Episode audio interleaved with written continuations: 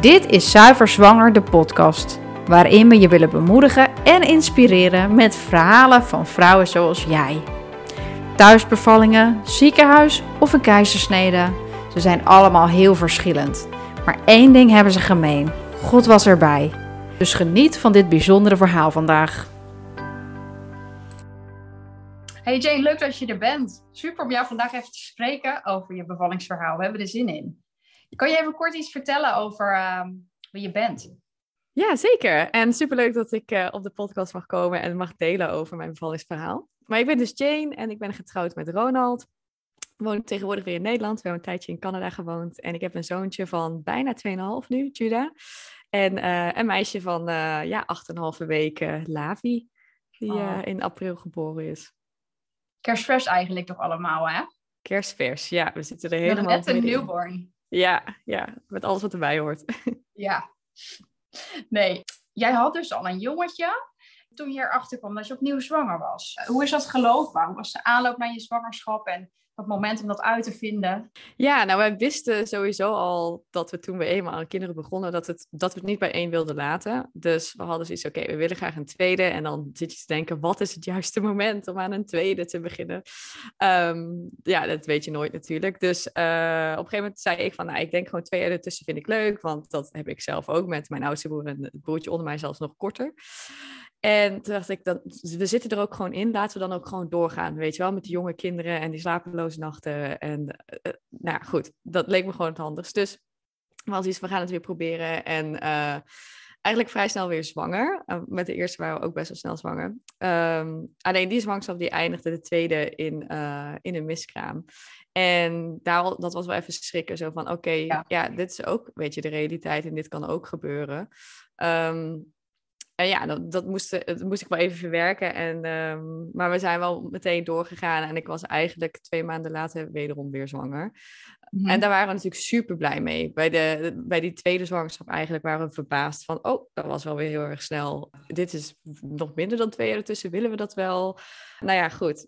De, verder uh, hadden we niet zoveel over te zeggen. Dus uh, een paar maanden later weer super blij. Um, het was wel zo dat wij toen net van Canada naar Nederland waren verhuisd. Dus wij, wij zaten echt net een paar weken in Nederland. En ik zeg, ja, ik ga toch maar die test doen. Ja. En, uh, en dat ik dacht, oké, okay, nou fijn, we hadden geen huis. We zaten zeg maar in het huis van, van Ronalds broer. En ik werd me toen op partij misselijk en moe. En het was, die start van die zwangerschap was wel echt even taai daardoor. Ja. Ondanks dat we heel blij waren. Oh, en ja, nu kan ik daar met een lach op terugkijken. Maar op dat moment dacht ik echt, zie mij maar lek. En uh, Judah die was uh, op dat moment heel erg in zijn driftbuien ook. En er was geen land mee te bezeilen. En ik was gewoon echt kapot moe. Ja. Het eerste trimester was niet echt een pretje. En ook echt veel misselijker. Niet, niet dat ik moest overgeven, tot daar kwam het dus net niet. Maar de hele dag zeg maar gewoon misselijk. Ja, dat het gewoon erg blijft hangen, ja. Ja, helaas niet alleen de ochtend. Dus ja, dus zodoende daar. Goed, hè? we waren dus heel blij met die zwangerschap. En de, de eerste trimester dacht ik, oh, wat zijn we weer aan begonnen. Maar dat, uh, ja, dat ging al gauw beter toen, uh, toen het tweede trimester naderde. Gelukkig dat toen de misselijkheid wat uh, minder werd en de vermoeidheid ook minder. En um, we op een gegeven moment een huis hadden gevonden waar we in konden trekken. Het was gewoon heel veel in die periode net wat er gebeurde. Dus um, dat had waarschijnlijk ook wel weer impact op hoe ik me voelde. Ja, ja kan ik me voorstellen. Ja, ja en dan, maar dan ben je wel zwanger in een heel andere setting dan de vorige keren eigenlijk. Ja, sowieso. Want de vorige keer toen ik uitvond dat ik zwanger werd, toen was het net COVID. en toen dacht iedereen nog hè, ja. dat het binnen twee maanden wel over zou zijn. En ik zat in het buitenland en alles was gewoon rooskleurig. En weet je, mama, ik zie je, hè, als, het, als die geboren is, dan zie ik je gewoon. En toen was het echt midden in lockdown alles. En was het heel lastig om voor haar überhaupt naar Canada te komen. Ja, dus dat was, dat was heel anders. En, en inderdaad veel verder weg. En nu was het wel heel erg fijn om juist uh, je familie heel dichtbij te hebben. Ja, op dagen als het moest uh, even om hulp te vragen. Ja. Dat is natuurlijk wel wat makkelijker dan als je over uh, een oceaan heen zit. Hey, en um, op een gegeven moment ga je dan zo verder in je zwangerschap komen en naar de bevalling toe leven. Hoe heb je het aangepakt? Want je was al een keer bevallen in een ander land. Dit is een andere situatie. Je neemt dat vorige verhaal mee. Hoe, wat ben je gaan doen? Uh, hoe, hoe ben je daarmee bezig geweest? Ja, ik vond het eerst wel heel erg jammer eigenlijk dat ik niet nog een keer in Canada kon bevallen. Omdat ik daar een hele fijne uh, verloskundige praktijk had. En dat is niet heel. Uh, in Canada is het veel normaler dat je met de gynaecoloog gewoon bevalt. Maar ik Mhm. had specifiek voor verloskundige gekozen. En ik wilde heel erg graag hun weer. Maar ja, dat, dat werd een beetje moeilijk. dus eh, ja, we waren in Nederland. En toen was het al heel lastig. Want ik dacht, ja, in welke plek, plaats moet ik überhaupt een verloskundige gaan zoeken? En hier heb je ook kraamzorg. En wat hangt dat dan in? Want dat had je in Canada niet. En ik ben me toen maar gewoon aangemelden bij, eh, bij de verloskundige praktijk, waarvan ik dacht, oh, dit ziet er eigenlijk wel prima uit. En ik Ja. vind de verhalen op de website prima. Ehm, en datzelfde gold eigenlijk voor de kraamzorg, waarbij je ook een soort, ehm, zij deden een soort matchingsprocedure. Dus dan kon je heel uitgebreide vragenlijsten invullen van wat je dan zocht en wie je zelf bent en wat je verwachtte. En, en dat is eigenlijk wel eh, allebei goed gekomen. Dus uh, ja, dus qua hè, zorg was, kwam het wel redelijk overheen. Maar ook weer, wel weer dat hier soms dingen anders zijn. En Nederland heeft heel veel protocolletjes en regeltjes waar je dan ook achter komt. Mhm. Dus um, ja, daar, daar, moest ik gewoon ook wel weer een beetje aan wennen. Maar in principe, ik heb gewoon hele fijne verloskundigen gehad. Die ik had ook een prima zwangerschap, weet je. Er was weinig ja. uh, wat, uh, nou ja, dat, kan natuurlijk ook gewoon. Er was weinig mis aan, het hoeft ook niet mis te zijn. Ja. Uh, dus het was gewoon voorspoedig op, op weet je, misselijkheid na. En um, mijn, mijn dochter bleek een beetje wat kleiner te zijn. Maar niet dat zorgwekkend klein, maar gewoon, ja, ze is gewoon niet zo groot. Ze zal ja. niet uh, joekel zijn als ze geboren wordt. In tegenstelling tot mijn zoon, die was ja, bijna 4 kilo. Oh ja. Dus um, ja, en dan maak je de keuze hier. Hè. Je hebt wat meer opties. Wil je in het ziekenhuis bevallen? Hier is het heel normaal om thuis te bevallen.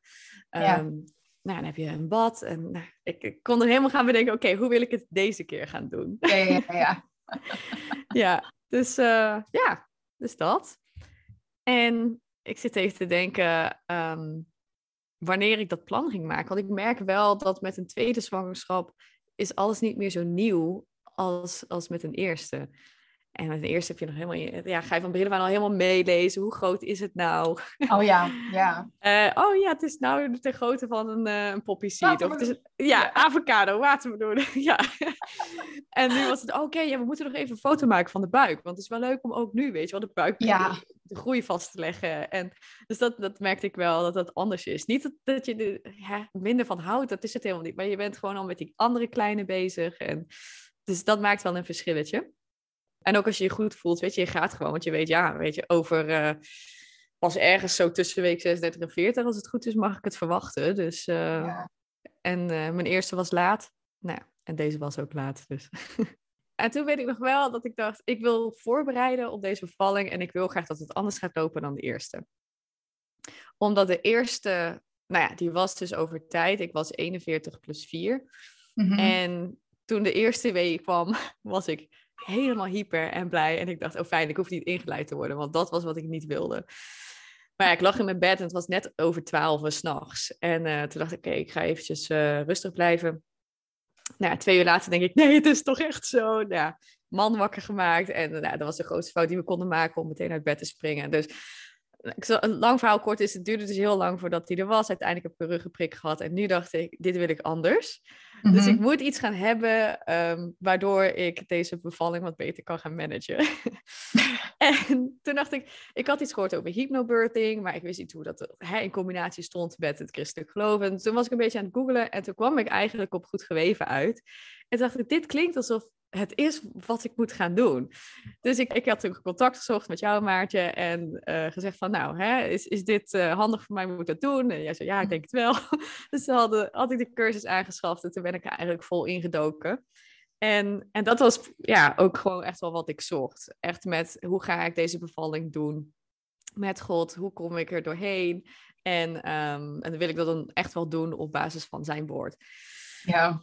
Dus zo, zo heb ik de cursus gekeken. Ik heb hem nog een keer gekeken. Uh, ik heb hem twee ja, want jij bent er best intensief mee aan de slag geweest, herinner ik me. Nou, in elk ja, geval, dat ja, staat mij weet- bij. Ook met, het, met de bijbelteksten en, en die dingen. Ja. Dus je hebt, je hebt meer gedaan dan alleen de videolessen bekijken. Ja, nou ja, jij weet dat beter dan ik natuurlijk wat andere cursussen te doen. Maar ja, inderdaad, ik heb wel echt de video's bekeken. En sommige dingen waren voor mij natuurlijk herhaling, omdat ik ook een andere cursus had gedaan in Canada. Uh, maar, maar het stukje geloof, zeg maar, zat daar niet bij. Dus, Ja. en, en juist dat het soort van, je, je noemt dat ook in de cursus, de supernatural childbirth, vind ik een heel interessant iets. Gewoon echt het bevallen vanuit, weet je, God heeft je zo mooi gemaakt en dit kun je als vrouw zijnde. En de Bijbel erbij pakken en hoe er wordt gezegd dat het een vloek is om te baren. En hoe dat dan, hoe jij dat uitlegt, hoe dat anders geïnterpreteerd mag worden. En dat was voor mij gewoon heel belangrijk. Ja, en dus ik ben inderdaad in de slag, aan de slag gegaan met die Bijbelteksten. En ik heb ze opgeschreven eh, en regelmatig gewoon voor mezelf doorgelezen van oké, Mhm. lees ze maar door, zeg ze maar hardop. Dan zitten ze in je hoofd als je zo meteen aan het bevallen bent. Want ik zie mezelf niet zo snel dan nog een papiertje pakken en dan die Bijbelteksten gaan lezen. Dus ja, zo heb ik het in principe voorbereid. Naast natuurlijk dat je je plannetje opstelt van ik wil graag dit en dat. Maar ja, dat eh, ja, was voor mij de, eh, een goede voorbereiding. Plus, ik vond het ook wel fijn om het gesprek met jou te hebben. Eh, om, op een gegeven moment zat ik met, ga ik wel of niet eh TENS gebruiken als pijnbestrijding? En dat ik bang was dat dat dan ook een soort een, een crack, zeg maar, een, een barstje zou brengen in het geloof. Juist van nee, maar ik, ik heb net die hele foundation gebouwd op, op God. Ik ga deze bevalling doen en dan ga ik dan denken, ik ga toch maar even die pijnbestrijding doen. Dus u- uiteindelijk had ik er ook voor gekozen om het niet, niet in te zetten of het überhaupt niet in huis te hebben. Ehm, en, dat, en dan maakt zo'n gesprek dan ook wel echt heel waardevol dat je even met jou daar doorheen kan praten. Hm. Ehm, van ja, hè, eh, gewoon even gedachten ventileren. Had jij het bad nou wel? Nee, dat redde ik niet meer. Oh. Oké, oh, dat... Oké. Ja, dus, dus dat wilde ik wel graag. Maar uiteindelijk, ja, dat ja, ging niet meer. Er was geen Is gewoon niet meer gelukt. Nee, Nee, nee. Dus dat- geen tents, geen bad, wel Nee. bevallen. Het kan, jongens. Ja, het kan. Ja, en dat met dus in mijn achterhoofd. Mijn vorige bevalling duurde ongeveer zeg maar 48 uur. Hè? Dus eh, Ja. dat ook eventjes erbij zeggen. Zo verschillend kan het lopen. Ja, En, eh, want jij zei, deze, deze was weer laat. Oké, Hoe waren die laatste weken en die, die, die dagen? ja goede vraag eigenlijk. Want dat is inderdaad iets wat gaat spelen in die laatste weken. Aha. Want zij was bij 41 plus 1 is zij geboren. En Ja. dan ga je alweer naar de verloskundige. En dan komt het woord inleiden alweer voorbij. Ja hoor, die zit al, ah, ja, dat staat echt al op de agenda. Dus het gaat ook in je hoofd zitten. Ja, Ja. zeker, zeker. Precies, ja. en ik dacht, oh nee, dat ga ik me niet laten beïnvloeden. En, maar dan toch, weet je, dan denk ik, ja, maar ik wil het echt. Zometeen gaat het weer daarover. Gaat zij zo meteen wel richting de 42 weken? Wat moet ik doen? Eh, is dat dan verstandig om er te laten zitten? En ook daarin heb ik dan die bijbelteksten gepakt en daarna gekeken en ook gedacht, weet je, God leidt dit. En Mhm. ik mag erop vertrouwen dat als alles goed is, dat ze ook gewoon kan blijven zitten en ze komt wanneer ze komt. En daar wil ik heel erg op staan. ja. En zo heb ik dat een beetje benaderd. En ook omdat zij, eh, dat ik na een, een, eh, miskraam eh, is verwekt, ben ik heel erg gaan staan op, het is de God van leven. Ehm, want in het begin voelde ik een beetje dezelfde klachten in die zwangerschap als met de miskraam. En ik dacht, ja, maar ik ga hier Ja. niet aan toegeven aan angst.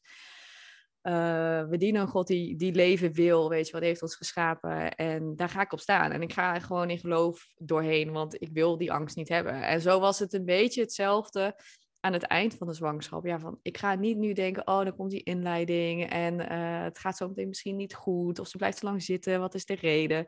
Ja. Ehm, dus ik heb dat wel heel erg los moeten laten. En dat is een dagelijk iets waar je dan doorheen moet. Dus echt niet, doe het Mhm. één keer en dan is het klaar. Mhm. Ehm, plus ook zeggen tegen de verloskundige van, ja, weet je, ik wil gewoon het liefst dat zij de, alles natuurlijk doet. Dus hè, geen, geen interventies, niks. Gewoon als het niet nodig is, dan, eh, dan laten we het gewoon zo. En zij stonden daar ook heel open in. Was ja, is prima. Ehm, het is altijd jouw goed recht. Dus ehm, dat, is, dat was Ja. ook wel heel fijn. Het is niet dat ik Ja, dat gepusht fijn. Ja. ja, om dat gewoon in goed overleg zo te kunnen doen. En eh, ja. En als je dan uiteindelijk besluit van, nou, ik wil het toch, na een paar dagen. Maar het jammer is dan dat het zo in je hoofd kan gaan zitten al een week Ja. van tevoren. Dat. Ja, ja maar dat is over na te denken. Ja, dat is ook zo. Want dan denk ik, ja, maar zit, het- we zijn pas bij 40 weken of je zit er nog iets voor. En denk ik, we hebben toch nog, nog genoeg tijd. We hoeven Ja. toch nog niet over na te denken. Terwijl, dat is voor mij persoonlijk. Hè? Andere mensen vinden dat Ja. heel prima. Maar ik, eh, ja. Ik, wil, ik, ik ben gewoon heel erg iemand die wil dat het allemaal uit zichzelf gebeurt. En niet dat Mhm. we iets aan, medisch aan hoeven te doen. ja. En hoe is dat uiteindelijk eh, verder gelopen? Ja, op een gegeven moment, ik zat natuurlijk heel erg van als ik me ook iets in mijn buik voelde van, oh ja, voorwee, het zal wel. Ah ja. Eh, ik ga nu niet opspringen en jee. Maar Nee. toen dacht ik, ik moet dat ook volhouden hoe verder we in de tijd komen. Want anders krijg je weer datzelfde van ik ben super blij. En, Dat je eh, helemaal excited bent en dan moet het nog beginnen. Ja. Ja, precies. En toen, ik, ik ben ook iemand die houdt van mooie datums. dus dan zit je te denken, oh ja, de twintigste is een mooi rondgetal. En, oh, en toen was het, oh ja, 23, 4, 23. Dat klinkt ook heel mooi. Nou, Mm. Ja, ik weet nog dat het 23-4 was en het was een zondag. En ik had eigenlijk die nacht ehm, best wel last gehad van mijn buik, voorwee. En dacht ik, naar mijn idee. En dat stopte in de ochtend. Dus goed dat ik er niet uit was gegaan. Mhm. En de hele dag kwam het ook gewoon eigenlijk niet terug. En toen zat ik gewoon te huilen op een gegeven moment. Dat ik zei, ja, dat is gewoon de teleurstelling omdat het nu die datum niet gaat worden. Echt, ja, ik deel het maar. Daar kan je dus mee bezig zijn. Ja, goed. Het, het, het, en nou, ja, je zit ook te denken, hè, ik was toen 41 weken precies. Het zou zo fijn zijn als het dan gebeurd zou zijn. Ja. Ja. fijn, het was toen uiteindelijk eh, avond en ik ging toevallig nog eventjes in bad. En eh, samen met Ronald en we zaten te ontspannen. Ik zei, oh, ik voel mijn buik weer. En dat was eigenlijk toen het weer begon, om negen uur s'avonds. En dan moet ik zeggen, toen had ik op zaterdag eigenlijk al, want dit is dus allemaal zondag, zondagavond. Mhm. Zaterdag liep ik door de stad heen, weet ik nog. En toen zei ik nog tegen Ronald, oh, als zij draait, nou, dat voel ik wel hoor. Maar ik denk dat dat dus ook Ja. voorweeën zijn geweest. Maar ja, we waren gewoon lekker aan het wandelen. En, eh afijn, het was dus negen uur s'avonds ongeveer. En ik voelde weer mijn buik. En eh, nou, ja, ging gewoon naar bed. En eigenlijk zo rond een uur of elf dacht ik, ja, dit zijn toch ook wel een beetje weeën.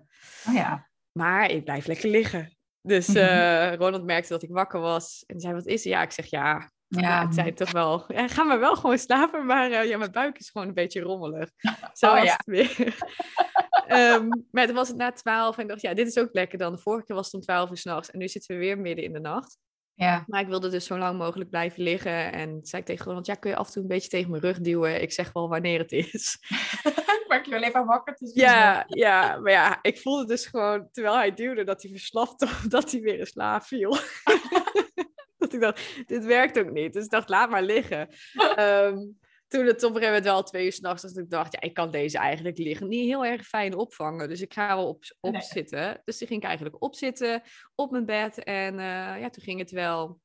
Maar had je toen dus al het idee van, want ergens in die uren begint er misschien iets te, te dagen van, hé, hey, dit is misschien de echte bevalling. Had je dat al voor jezelf Nee, toegeven of was dit nog allemaal gewoon oefenwerk? ja, ik dacht nog steeds, nee, voorweeën. Want het duurde bij Judah ook zo lang. want Allemaal voorweeën, dat dacht Oh, ja. ik. Ja. Dus ik dacht, ja, dus ze doen ook wel een beetje pijn, maar ook nu niet heel heftig pijn. Dus zo zat ik een beetje op, op, op dat bed. Tot Ja. op een gegeven moment ik dacht, ja, het- ook het bed zit niet lekker meer. Ik ga wel even rondlopen. Want eh, dat had ik op YouTube gezien, ook dat, dat eh, een vrouw dat deed. En dat was voor mij echt top. Dat rondlopen, ik kon ze zo goed, kon ik die weeën opvangen. Maar ook dus zo goed dat ik dacht, dit zullen nog steeds wel voorweeën zijn.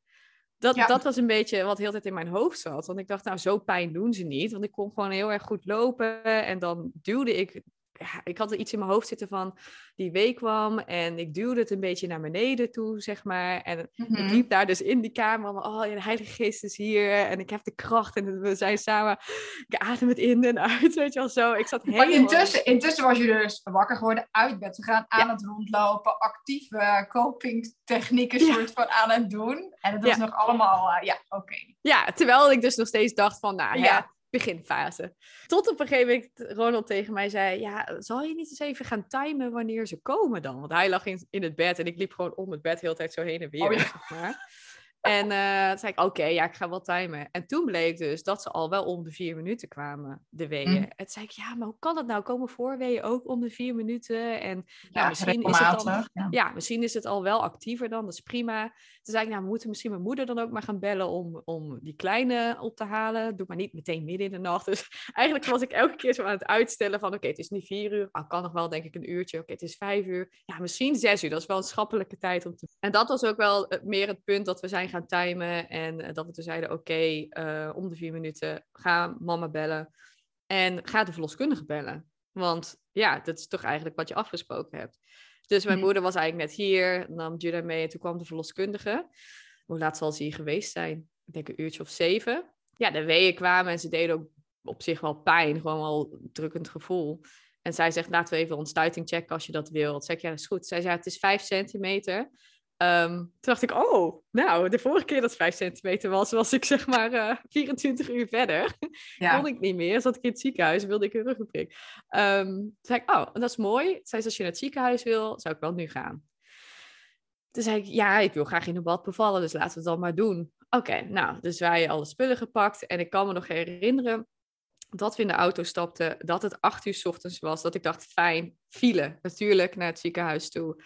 En eh, dat, nou, ik kon zien, Ja. ik kon zien, nee, het was, sorry, het was kwart voor acht. Kwart voor acht, ik kon zien dat we om acht uur zouden aankomen bij het ziekenhuis. Want Ronald had uh, navigatie aangezet, zodat we de snelste route zouden hebben. Um, en dat ik, oké, okay, 15 minuten in de auto, 15 minuten weeën opvangen.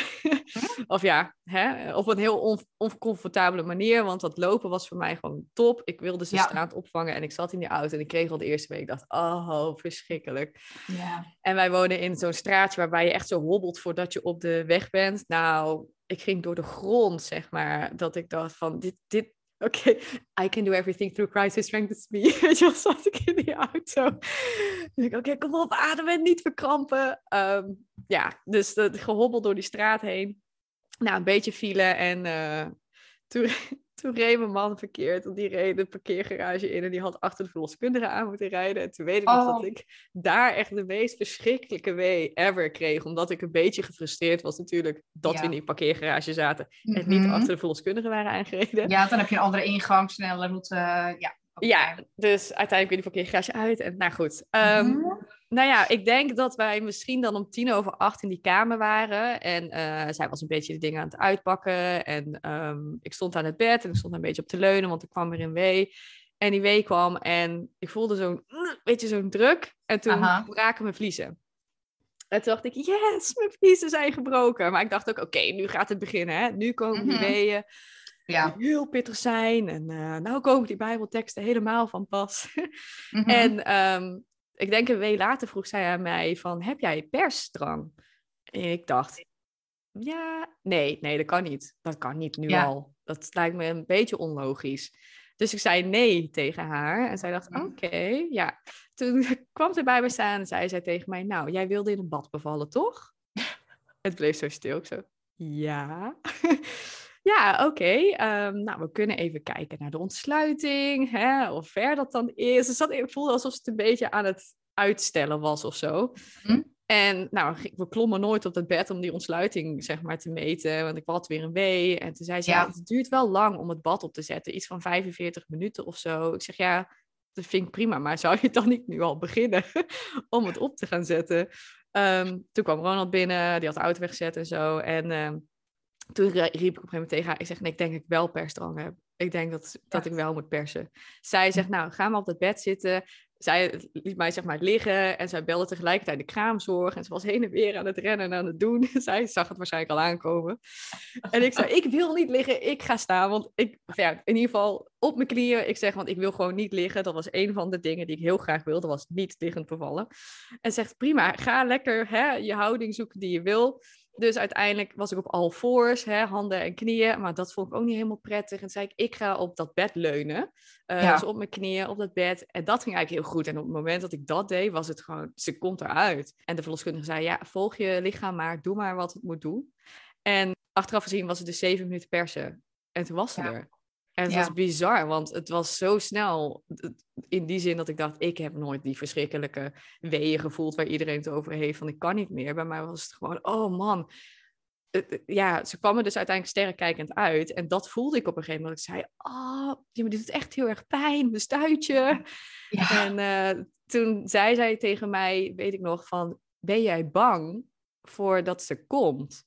En toen dacht ik, ja, ik ben bang dat ze komt en dat het gaat uitscheuren en dat het pijn doet. En toen dacht ik tegelijkertijd meteen daarop, ik heb geen angst, weet je wel. Ik heb geen geest van angst. Ik heb juist hè, eentje van kracht. En dat kwam meteen in mijn hoofd. Toen dacht ik, oké, ik moet dit doen. En toen zei zij, hou je adem maar in bij de volgende keer dat je moet persen. En dat was precies wat ik nodig had, want toen was het echt vloep, dat hoofd was eruit. En toen dacht ik, hou nog eventjes in. Toen zei ze, nee, pers maar door hoor, als je wil. En toen was ze ja, echt zo geboren. Dus het was bizar snel. En dat ik ook dacht, zo zou ik er nog wel één kunnen doen op die manier. Ja. Dus het was eh, ook een hele mooie bevalling, ondanks dat het snel was en ondanks dat ik eigenlijk dat bad wilde en dat niet lukte. Ik dacht, ja, als zij eruit komt, komt ze eruit. En eh, ja, dan is het daar, ja. ik, ik voelde gewoon heel veel rust daarin, zeg maar. Op dat kleine paniekmomentje na dat ik dacht, oh, dit doet echt heel veel pijn. En, en hoe krijg ik haar eruit? Want Ja, ik hoe wil moet haar dit? niet Ja. verder duwen, want Ja. nou ja, dat. Ja. Ja. Dus, Maar ook eh, juist mooi, hè, dat je dan, ehm, tenminste op dat moment is het natuurlijk even paniek, maar dat je dan voelt van, oké, als ik nu keihard duw, het is ook een soort waarschuwingssignaal van je lijf misschien, eh, van oké, doe dit heel rustig. Ja, ja, ja, ja. Het, in dat, het was toen ook wel echt heel moeilijk om te luisteren wat wil mijn lichaam. Want ik voelde gewoon Ja. zoveel kracht naar beneden Ja. toe. Ja, Echt oceaangeweld gewoon, zeg maar. Mhm. Van dat kind gaat eruit komen. En dat ik dacht, hoe moet ik dit begeleid gaan doen? Hoe kan ik dit rustig uitademen? Want ik weet nog dat, dat ik het met jou een keer over had gehad. dus Dat jij zei, ja, het zijn vrouwen die kunnen als een, gewoon alsof ze een kaarsje uitblazen, dat kind eruit duwen. Dat ik dacht, hoe? hoe moet dat dan? ja, ja. Ehm, en zo zie je maar dat iedere bevalling anders is. Iedereen doet dat ook anders. Ja. Dus ook echt, als, dat, als je dat niet lukt, of dat, dat heeft ook zo, ja, hoeveel kracht komt er vrij? Ja, wat moet, dan moet. Ja, ja, en soms met een soort van, eh, ja, soms met geweld. ja, er kwam heel veel kracht gewoon vrij. Ja. Ik heb het idee dat ze er echt uitschoot gewoon. Ja, Ehm, ja, maar dus op die manier is het nu gegaan. En dat was een heel groot contrast met ja, de eerste keer. Maar een onwijs fijne bevalling. En dat is ook een van de redenen dat ik jou op een gegeven moment had gemaild. Van, nou, ook wel fijn voor jou om te weten hoe het is gelopen. En hoe Ja. fijn ik het heb ervaren. En hoeveel ik gehad heb aan de cursus. Om, eh, om door die bevalling heen te komen. Want ik heb gewoon tot aan de meeste ontsluiting eigenlijk gedacht dat het voorweeën waren. ja, Kan je Ja. nagaan. Ja, dus... ehm, en natuurlijk ook wel met mijn eerste, hè, dat moet ik ook wel meenemen, de eerste bevalling in het achterhoofd. Maar gewoon zo goed door die pijn heen kunnen komen. Of die druk, ik noemde het elke keer maar druk in mijn hoofd. En helemaal niet pijn, weet je, druk naar beneden, druk op die buik. Ehm, en ja, dat was gewoon top. Het enige waarbij ik echt wel dacht, dit doet pijn, was toen ze er eigenlijk uitkwam. ja, ja. En jouw zwaarste moment qua weeën is dan misschien gewoon in de auto en in een parkeergarage geweest. Ja, misschien wel. Ja, want Ja. ik kan me nog herinneren dat ik in de lift zat. Ik dan moet je in zo'n rolstoel. Natuurlijk Ja, in het oh. ziekenhuis. zei ik, ja, ik spring eruit. Er was een week om. Ze zegt, lekker doen. Dus ik stond daar in die lift zo. Ja, ik spring eruit hoor. ja. ehm, ja, dus in de lift. Maar ze waren best nog wel manageable. En, en, en ook, weet je, je denkt als, die, als de verliezen zijn gebroken, dan worden ze ook heel heftig. Maar ook die waren gewoon echt wel te doen. Die ontsluiting ging gewoon heel snel. Ja, Ik, Ja. ja. ja. ik denk voor mij was de houding gewoon heel belangrijk. Dat zitten ging gewoon niet fijn. Ik wilde gewoon echt op twee voeten staan. Dat was voor mij het beste om, eh, om die wee op te vangen. en dat is ook, als ik jou goed begrijp, tot, bij, tot het eind toe soort van gelukt. En daarna dus op je knieën en hangend op het bed. Ja. Of ook Ja. nog staand en leunend op, op de rails. Nee, nee, nee, nee. Ik ben op mijn knieën op het bed, zeg maar. En dan hangend oh, ja, de achterkant van het bed. Met mijn armen. Ja. Zo, eh, zo is het gegaan, ja. Dus ik heb dat heel lang volgehouden, dat staan. Ja. Ja, dat is wel mooi. Voor je, voor je lijf is het gewoon echt heel mooi. En maar op een gegeven moment, ik kan me ook nog herinneren, van dan gaat je, gaan je benen gaan helemaal zo shaken. Oh, en dan, ja, ik, ik kan niet meer blijven staan eigenlijk dan op een gegeven moment. Dan is het gewoon genoeg. Nee, ik had dat inderdaad ook, eh, met- zelfs met het zitten op het bed, dat ik een houding had. Ik zat eigenlijk niet echt op mijn knieën, maar ik ging een beetje zo hangen nog naar achter. Mhm. Dat mijn benen ook begonnen te shaken. En ik zeg, oh, dit Ja. gaat niet, dit is niet fijn. Nee. Dus ik moet echt omhoog blijven en dat was dan wel beter. Dus ja, je merkt daar e- echt wel, je lichaam vertelt dat wel, van dit gaat voor Ja. mij niet werken, neem een En iets comfortabele houding in. Ja. ja. Oh, wat fijn zeg. Hey, en toen, eh, toen had je je kleine meisje dus. En de placenta moest natuurlijk nog komen. Ja. Gebeurde dat ook allemaal vanzelf? Ja, ik, ik weet nog, dat is heel grappig, omdat zij dus sterrenkijkend geboren was. Ja. Dat had de verloskundige ook niet door, omdat het allemaal zo snel ging. Maar ze zaten nog te tobben met, ja, pak er maar. Ja, maar die, die navelstreng, Maar die zat zeg maar bij, bij mijn been. En dat was een beetje lastig aan doen. Nou, uiteindelijk had ik er vast en zo. En dat, dat is heel fijn. En het was heel fijntjes en klein. En daar ben je dan mee bezig, weet je wel. En toen zei de verloskundige, ja, de placenta moet nog komen. Oh ja, de placenta. Oh ja. Zij duwde gewoon eigenlijk mee. Ze zat op mijn buik te duwen om die placenta eruit te krijgen. En ehm Mhm. dat ging eigenlijk ja, op dat na gewoon vanzelf. En eh, ja, die kwam er makkelijk uit. En eh, dat was ook allemaal in één keer goed. Eh, wat ik daarna wel heel erg ervaarde, waren naweeën. En dat Ja. heb ik ook nog wel een paar dagen daarna gehad nog. Ja. En die vond ik wel echt naar. Omdat je Ja. dan met name toch allemaal zit. En hè, ik had net verteld, ik vond zitten niet zo fijn eh, met de weeën. En eh, maar ja, meestal komen ze ook als je je kind borstvoeding geeft. Mhm. Ja, en dat, dat was toen wel heel erg wat, wat Ja. kwam, waren de naweeën. Maar de placenta is gewoon eigenlijk tien minuten... gaaf ook geboren. Ja, ja, daar hebben we nog naar gekeken en zag er super mooi uit. Eh, Mooi. Dus dat was ook fijn. Heerlijk man. Nee, en toen, want je was in het ziekenhuis, dus moesten jullie nog naar huis. Ja, het was zo... Terug op de bobbel. ja. ja, dat is toch allemaal anders dan wel. Maar, hoe laat was het? Want je was hartstikke vroeg in de ochtend dan al in het ziekenhuis. ja, ja, dus ik... eh, ja, laten we zeggen, ik was denk ik om tien over acht in de kamer of zo. Tien over half negen was ze geboren. Mhm. En eh, toen moesten we iets langer blijven, omdat eh, zij wat kleiner was, zeg maar. En dan moet je een, een heel prikje doen voor de glucose. Dus ze heeft een heel prikje gehad. En toen een paar uurtjes later weer een heel prikje gehad. En dat was goed, dus toen konden we naar huis. En eh, ja, in de auto gezet en we zijn gaan rijden. Dus ik denk dat dat meer richting het middagsuur, middaguur was. Mhm. En toen was de kraamzorg natuurlijk ook bij. Dus ik dacht, oh, oké, oh, die gaat mee naar huis. Oké. Voor mij natuurlijk allemaal, ook allemaal nieuw. Ja. En eh, ja, die zegt, jij gaat mijn bed liggen. En zij zorgt voor het kind. En ik dacht, oh chill, ik kan gaan slapen. Even een nachtje inhalen. Ja. Ja, maar ik was nog er zat nog zoveel adrenaline in mijn lijf. Dus ja, heel veel slapen ging in het begin niet. Ehm, en ik was ook zo blij dat alles zo goed was gegaan. En ja, weet je, ik wil- wilde gewoon iedereen vertellen dat, dat, het, dat ze er was. En dat het fijn was gegaan. En dus, dus dat, ja. En, eh, nou, eenmaal geland, dan is het wel oké. hè, de- het borstvoeden begint. We hadden in het ziekenhuis was ik al mee begonnen. En oh ja, dat zat weer zo. En, maar eigenlijk ging het allemaal best wel goed. En snel. En, ehm, en dus ja, die naweeën kwamen elke keer met het voeden. Dus dat vond ik een beetje minder chill. Dat zag je wel een beetje tegenop tegen het voeden, omdat het dan weer begon. Uh, Ja. Maar ja, ook daar moest je dan doorheen blazen. En hadden een hele fijne kraamzorg die ook gewoon wel met een humor soms dingen kon benaderen. En dat was dan ook eigenlijk wel weer fijn. Een beetje wat luchtiger naar kan kijken.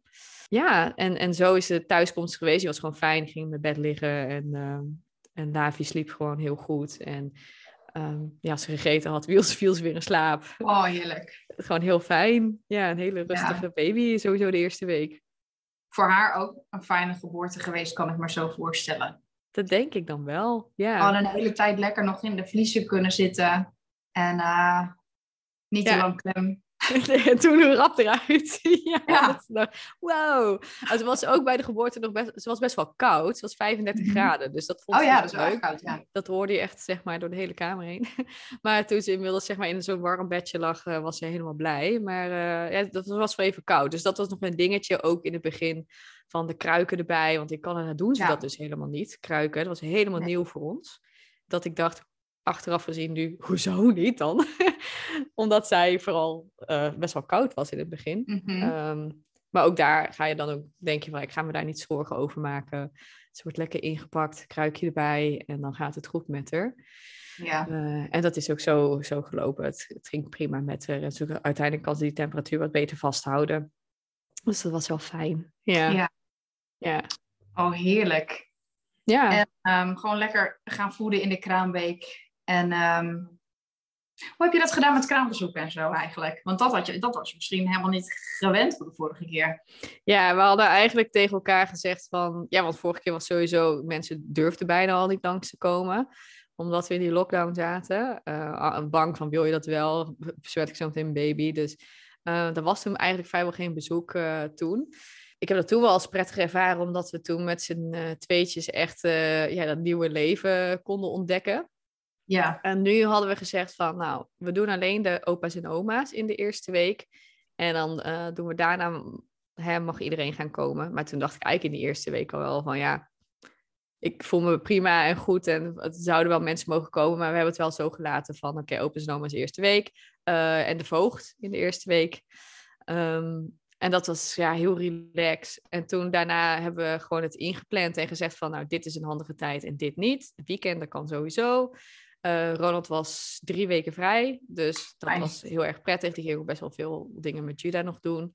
En zo hebben we dat gedaan. Dus echt wel gepland, oké, okay, je kunt dan komen. En aan voorhand ook gezegd, hè, niet lang. Want ik, uh, ik heb het gevoel, mensen die geen kinderen hebben, willen nog wel eens lang blijven. Uh, maar ja, daar heb je dan ook geen zin in, want je bent gewoon moe. En ik wil ook gewoon met voeden eigenlijk gewoon met haar zijn. Ehm, hoewel ik het niet erg vind om haar te voeden met anderen erbij. Maar in het begin vond ik het gewoon fijn om voor te zorgen. Ja, je moet dat dat samen ging. leren, joh. Ja, Precies, En dan, dan ja. wil je gewoon gefocust zijn. Ja. Ja, ja, dus dat. En in het begin eh, lag ik ook nog veel in bed. Want zei de kraamzorg van ja, blijf gewoon maar vier dagen in bed. En dat ik dacht, oh, vier dagen. Maar ik dacht, het is wel gewoon beter. Dus laat het maar gewoon doen.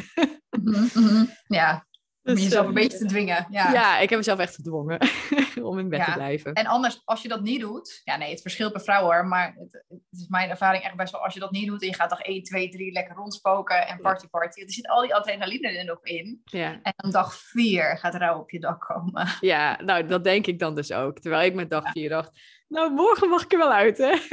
Ja, nou kijk, zie hoe goed dat dan werkt eigenlijk. ja, dus ja, Ja, nee. Wat een fijn verhaal. Ja, het- het gewoon heel goed om dit weer te horen. En ehm, ook gewoon te horen hoe je, hoe je Gods aanwezigheid daar ook in hebt ervaren. Eh, samen met soort van de voornemens en waar jij je gedachten op hebt gericht. Dat die twee Ja. dingen echt met elkaar samenwerken of zo.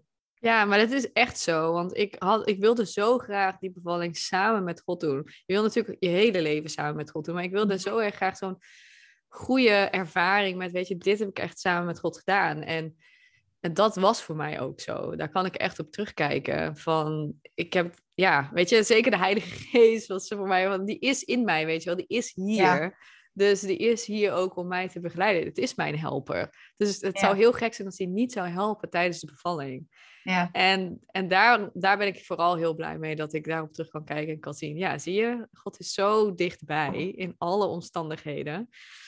En als je hem uitnodigt en eh, je ziet gewoon hoe het gaat, dan ja, dit, voor mij eh, heeft hij een ervaring gegeven die gewoon goed was, die passend was.